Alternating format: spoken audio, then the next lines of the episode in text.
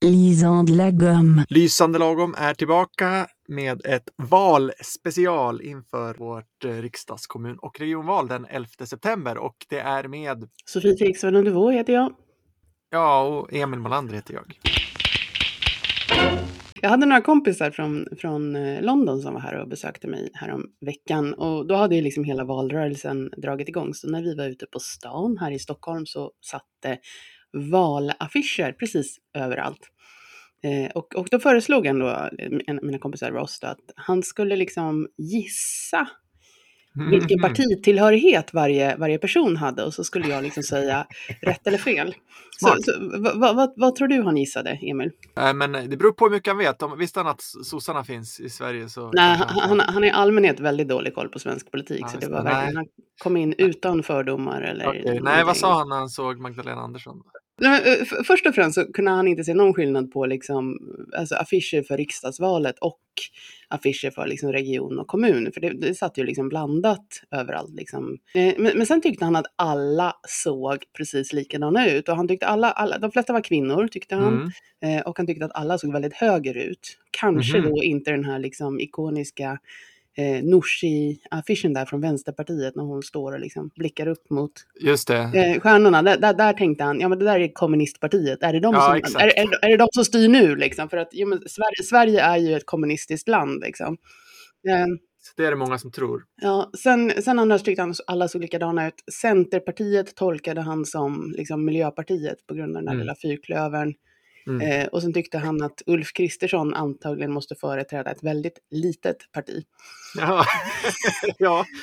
Men, men, men, men, det- men det var allt och det blev inte så där jätteroligt. För, för, för, för honom, liksom, allt såg ungefär likadant ut. Det var Mm. väldigt homogent, det var ingen skillnad, ungefär likadana. Liksom, det grafiska intrycket var ungefär likadant, människorna såg Ja. likadana ut och sådär. Och jag tänker att det är väl lite så när man flyttar till ett nytt land, att man har ju inte den här liksom, historien eller bagaget att liksom, bära med sig. Så man har väldigt dålig koll liksom, när det är dags för val. Mm, ja, men och de, de kan ha liksom ganska, de kan ha hänvisningar till sånt som man måste ha lite kunskaper för att känna till. Ett exempel på det är eh, när jag var i Berlin på, när jag tågluffade i min ungdom, eh, så var det val. Och då såg jag en affisch där det stod, det var en bild på en kvinna tror jag.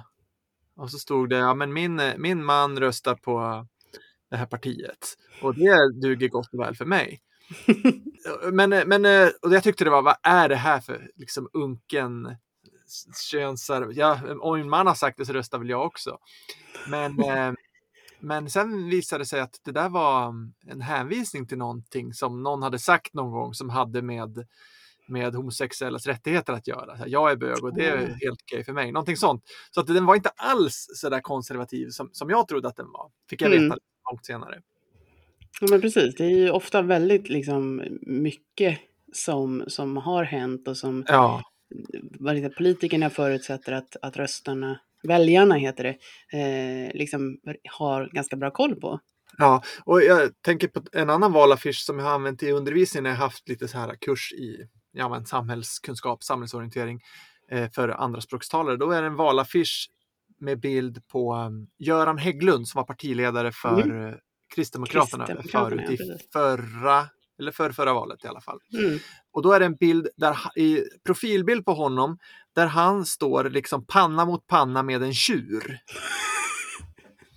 Och, och så står det Kristdemokraterna. Och då som svensk tänker man kanske, jaha just det, han vill visa att han tar Ta tjuren vid hornen. hornen, Som ja. är ett talesätt att man verkligen man tar i de här problemen och, och, och löser dem.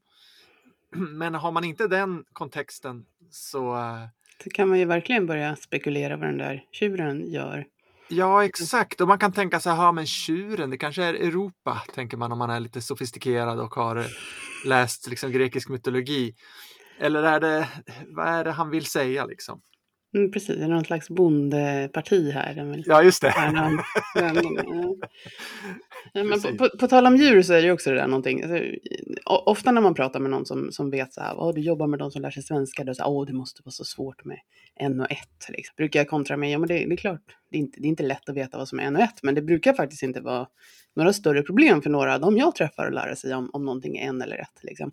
Men just det här kanske man ska vara lite extra observant på om man lär sig svenska att det är ett eh, val när det handlar om att välja vem som ska bestämma och inte en val som ett Mm. djur som bor i havet. Eh, Just det. Det, Ja. det kan bli lite missförstånd annars.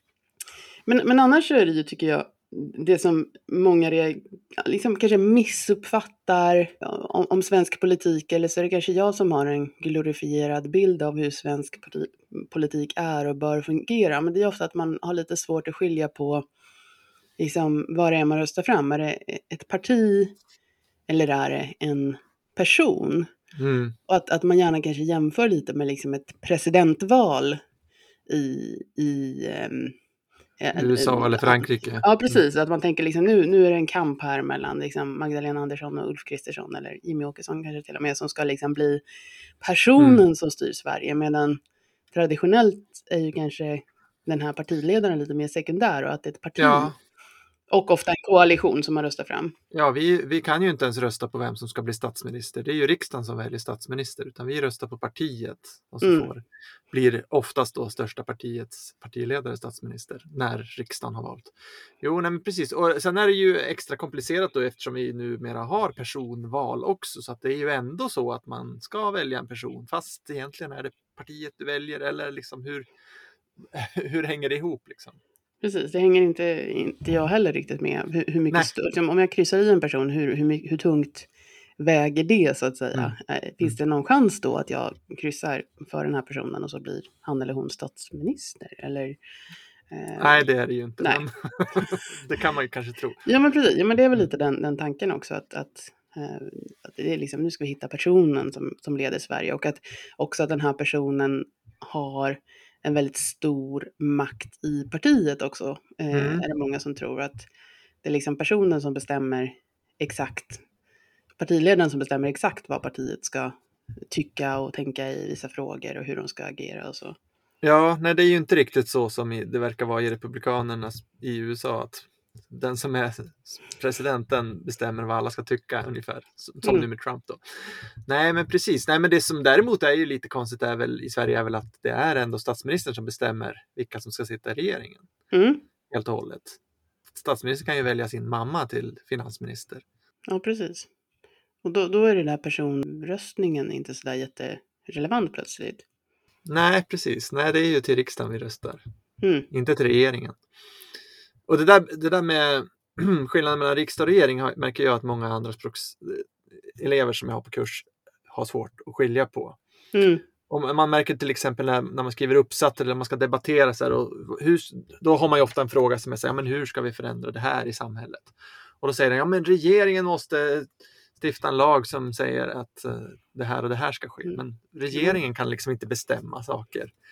Det är i ju Sverige, riksdagen utan som det- stiftar lagar. Ja, ja, alltså regeringen bestämmer ju inte riktigt, om man säger så. Det är riksdagen som bestämmer. Mm.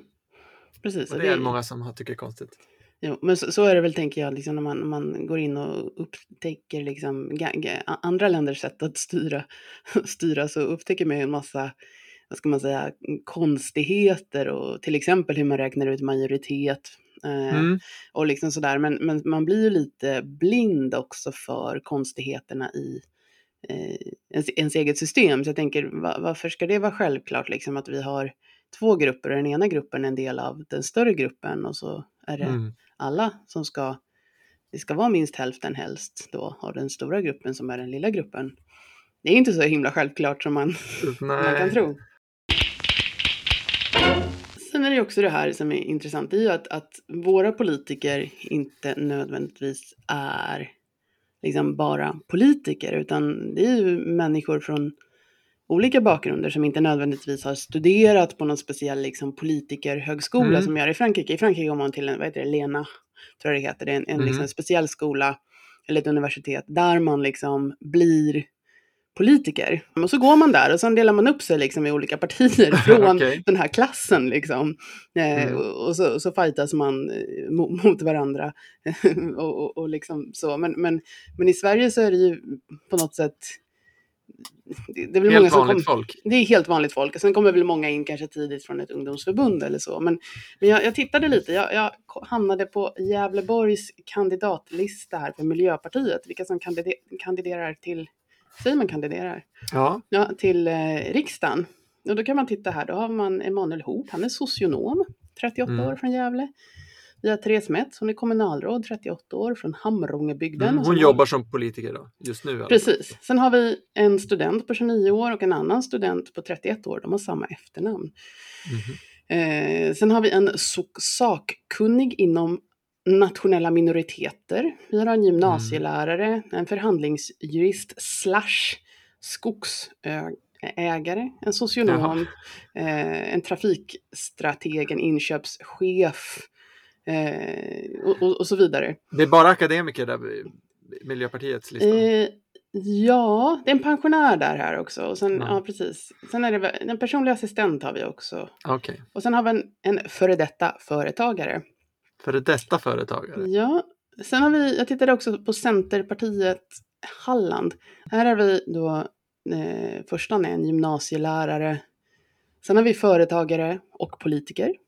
Mm. Och sen kommer politisk tjänstemannaföretagare. Och sen är det många som då kallar sig just företagare eller egenföretagare. Och någon som Mm. är egen företagare.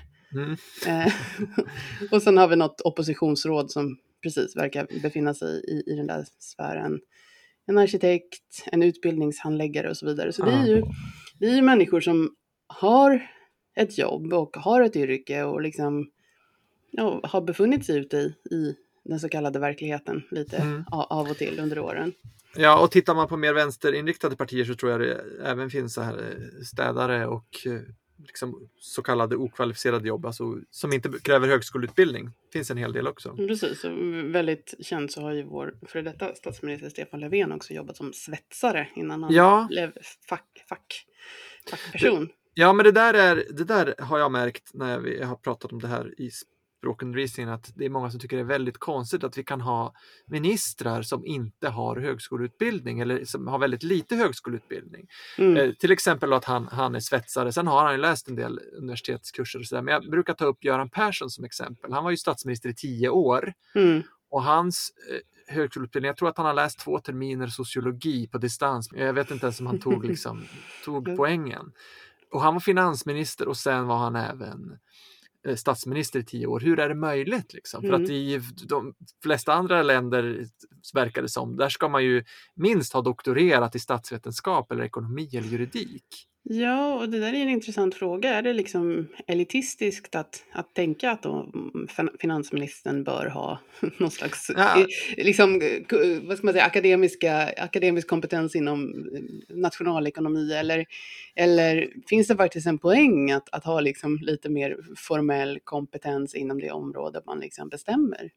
Ja, formell kompetens, du menar vad då? Att man har jobbat som svetsare? Och Nej, men man... jag menar om- man är, om man är finansminister och liksom läst två terminer so, so, sociologi eller vad du sa, det, det är ju liksom, det, man, man kan ju ha, med rätta tycka att det är lite eh, korkat att ha en sån person Mm. som, som styr samhället, jag, tänker jag.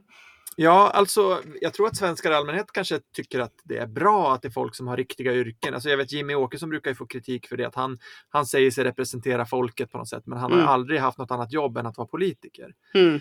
Ehm, och det tycker vi liksom är dåligt kanske i allmänhet. Men sen är det väl, eh, jag, jag tycker att det är lite konstigt att man kan vara finansminister utan att ha eh, ett enda högskolepoäng inom eh, Mm. ekonomi och finanser. Men, men det har väl att göra med att kanske i Sverige så värdesätter vi formell utbildning lägre än i andra länder. Precis, och det är ju någonting man märker när man söker Många jobb i. Sverige här också, Ja. att, att ofta så väger ju arbetslivserfarenheten mycket högre än liksom akademiska meriter, eh, vilket gör det svårt för många som kommer från andra länder som i, kanske eh, bara vill lyfta eh, vilka fin skola de har gått på, vilka bra betyg de har haft och kanske inte ens nämna att de har haft ett extra jobb på en korvkiosk eller någonting, vilket, vilket verkligen kan stå i vägen för dem för att få ett jobb i Sverige. Vi, vi, men vi slipper ju dock sådana här skandaler som har varit i flera, flera länder där det visar sig att liksom en högt uppsatt politiker har fejkat sin, Ja, sin avhandling. Ja, vi har haft no, några, men inte Nå, av, nej. avhandling. Men just nu Nej, har vi i alla fall en statsminister, då, Magdalena Andersson, eh, i alla fall en vecka till en statsminister. Eh, och hon har ju hon har ju hög, hög utbildning från Handelshögskolan, vad jag vet, eller hur? Ja, precis. Jag tror hon har påbörjat en eh, doktorsutbildning men aldrig blivit klar med den också, om jag minns rätt. Nej, men vad är det mer tror du som man, man kan reagera på då om man kommer från ett annat land och, och ska studera det svenska val, den svenska valrörelsen eller den svenska Ja, alltså, politiken? när jag har haft de här kurserna så brukar jag fråga hur, hur stort de tror att valdeltagandet är. Mm. många, hur stor andel röstar och då brukar de här personerna från andra länder gissa på att det är 50 procent. Men Mm, vi har ju traditionellt ett väldigt högt valdeltagande och det har ju till, till och med ökat på sista tiden. Alltså det ligger runt 80 procent. mm, Och det blir många väldigt förvånade över. Sen finns det länder som, jag tror Chile eller något sånt där, har, där är det lag på att man måste rösta. Förbjudet att inte rösta. Så där är det ju högre, men annars är det ju ett av de högsta i världen. Nu- om jag ställer en väldigt stor fråga till dig, vad tror du att det beror på att Sverige har så högt valdeltagande?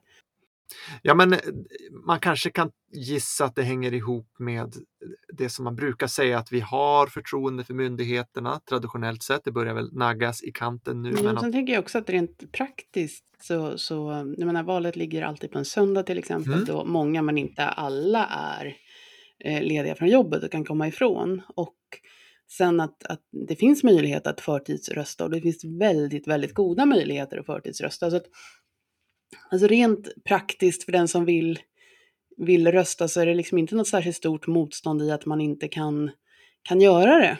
Utan Mm. ja, det, finns många tider, det finns många platser, ganska stor flexibilitet.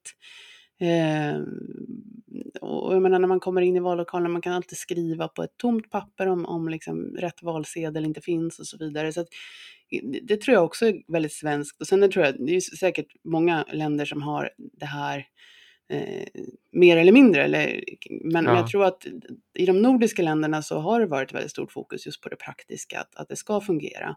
mm, Eh, vilket mö- möjliggör ett hö- högt eh, valdeltagande. mm, Men, men sen är det ju intressant också som, som jag tror, för i en del länder så har man liksom olika valdagar för riksdagsval eller presidentval och sen liksom mer regionella eller lokala val. Och det som är speciellt i Sverige är ju det här att man har alla de här tre eh, på samma dag. Man röstar både i riksdag och eh, region och eh, kommun. mm. Så det har jag hört många som är förvånade över också. Och jag tror för många är det lite svårt att eh, förstå hur pass liksom separata eller liksom hur, hur Ja. att, de, att de här inte hänger ihop utan att, att det är nog inte särskilt ovanligt i Sverige att man kan rösta på två eller tre partier. Att man kanske röstar till ett parti i riksdagen men ett annat parti i liksom Mm, kommunen. det tror jag också. För att många som jag pratar med, de tror att om, om jag röstar på det här partiet i, i kommunalvalet, då kommer jag liksom per automatik stötta den partiledarkandidaten som jag vill ska bli statsminister. Och så fungerar det ju inte alls eh, i Sverige, utan det är ju helt olika frågor också. Liksom. Det kan ju Mm. också vara väldigt lokala eh, frågor som är liksom Ja. väldigt viktiga i en viss kommun. Ja, det finns ju ganska stora lokala partier också. Göteborg har väl haft ett stort som heter Demokraterna. Och Mm. här i Umeå har det funnits i ganska många år ett lokalt parti som har suttit i kommunfullmäktige hur länge som helst. Mm. Eh, Så det finns ju. Och så finns det sådana här sjukvårdspartier också som enbart finns i regionalvalen till exempel. Det är, det är väldigt intressant. Jag tänker också att eh, jag såg en, en eh, vi var ute och körde vår, vårt sommarställe häromdagen och då såg vi en valaffisch för Degerfors kommun och det gick KD, Kristdemokraterna, ut väldigt hårt med att de ville förlänga öppettiderna på återvinningsstationen.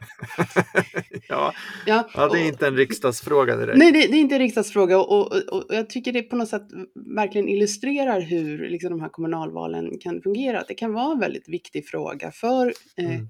invånarna som, som liksom egentligen inte har särskilt mycket med Ebba Busch och hennes eh, liksom, sy- syn på olika saker att göra. Utan det, det är liksom lokalpolitiker som driver någonting som, som de tycker är viktigt och som de vill liksom, få röster för. Ja.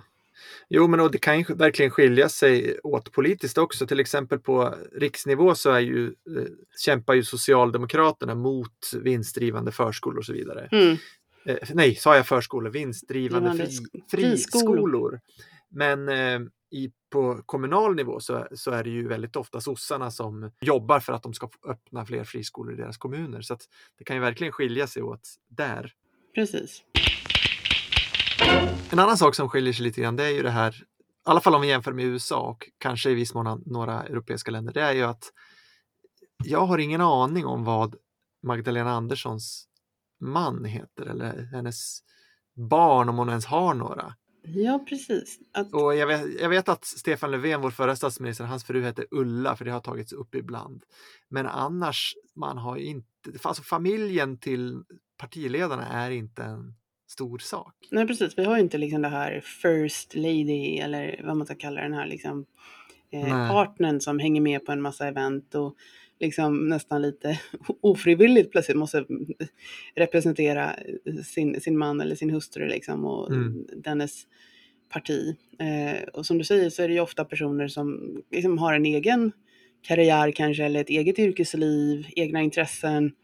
Eh, jag såg faktiskt häromdagen att Ulf Kristerssons eh, fru gick ut och Mhm. berättade att hon röstade på Moderaterna som Ulf Kristersson är, är parti, partiledare för i, i, överraskning. i, i f- filmsnutt. Men, men jag, jag tänker i, i, ett, i ett annat land så hade ju hon liksom haft en mycket mer framträdande roll Mm. i valrörelsen. Hon hade stått hand i hand med honom och pussat honom efter tal. Ja, precis. Och, ja, jag vet inte, Michelle Obama höll ju på en massa danser och grejer som, som liksom Mm. del av sin, sin, sin roll Mm. där som Mm.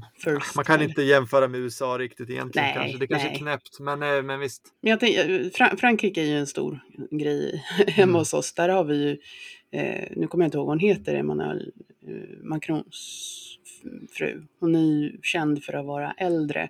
Just Men hon, det, är, hon syns ju hela tiden liksom vid hans sida och det skulle väl vara omöjligt för henne att liksom fortsätta eh, jag tror hon är lärare i botten, liksom, sin, Mm. Sitt yrkesliv, utan hon är ju där för honom. Liksom. Mm.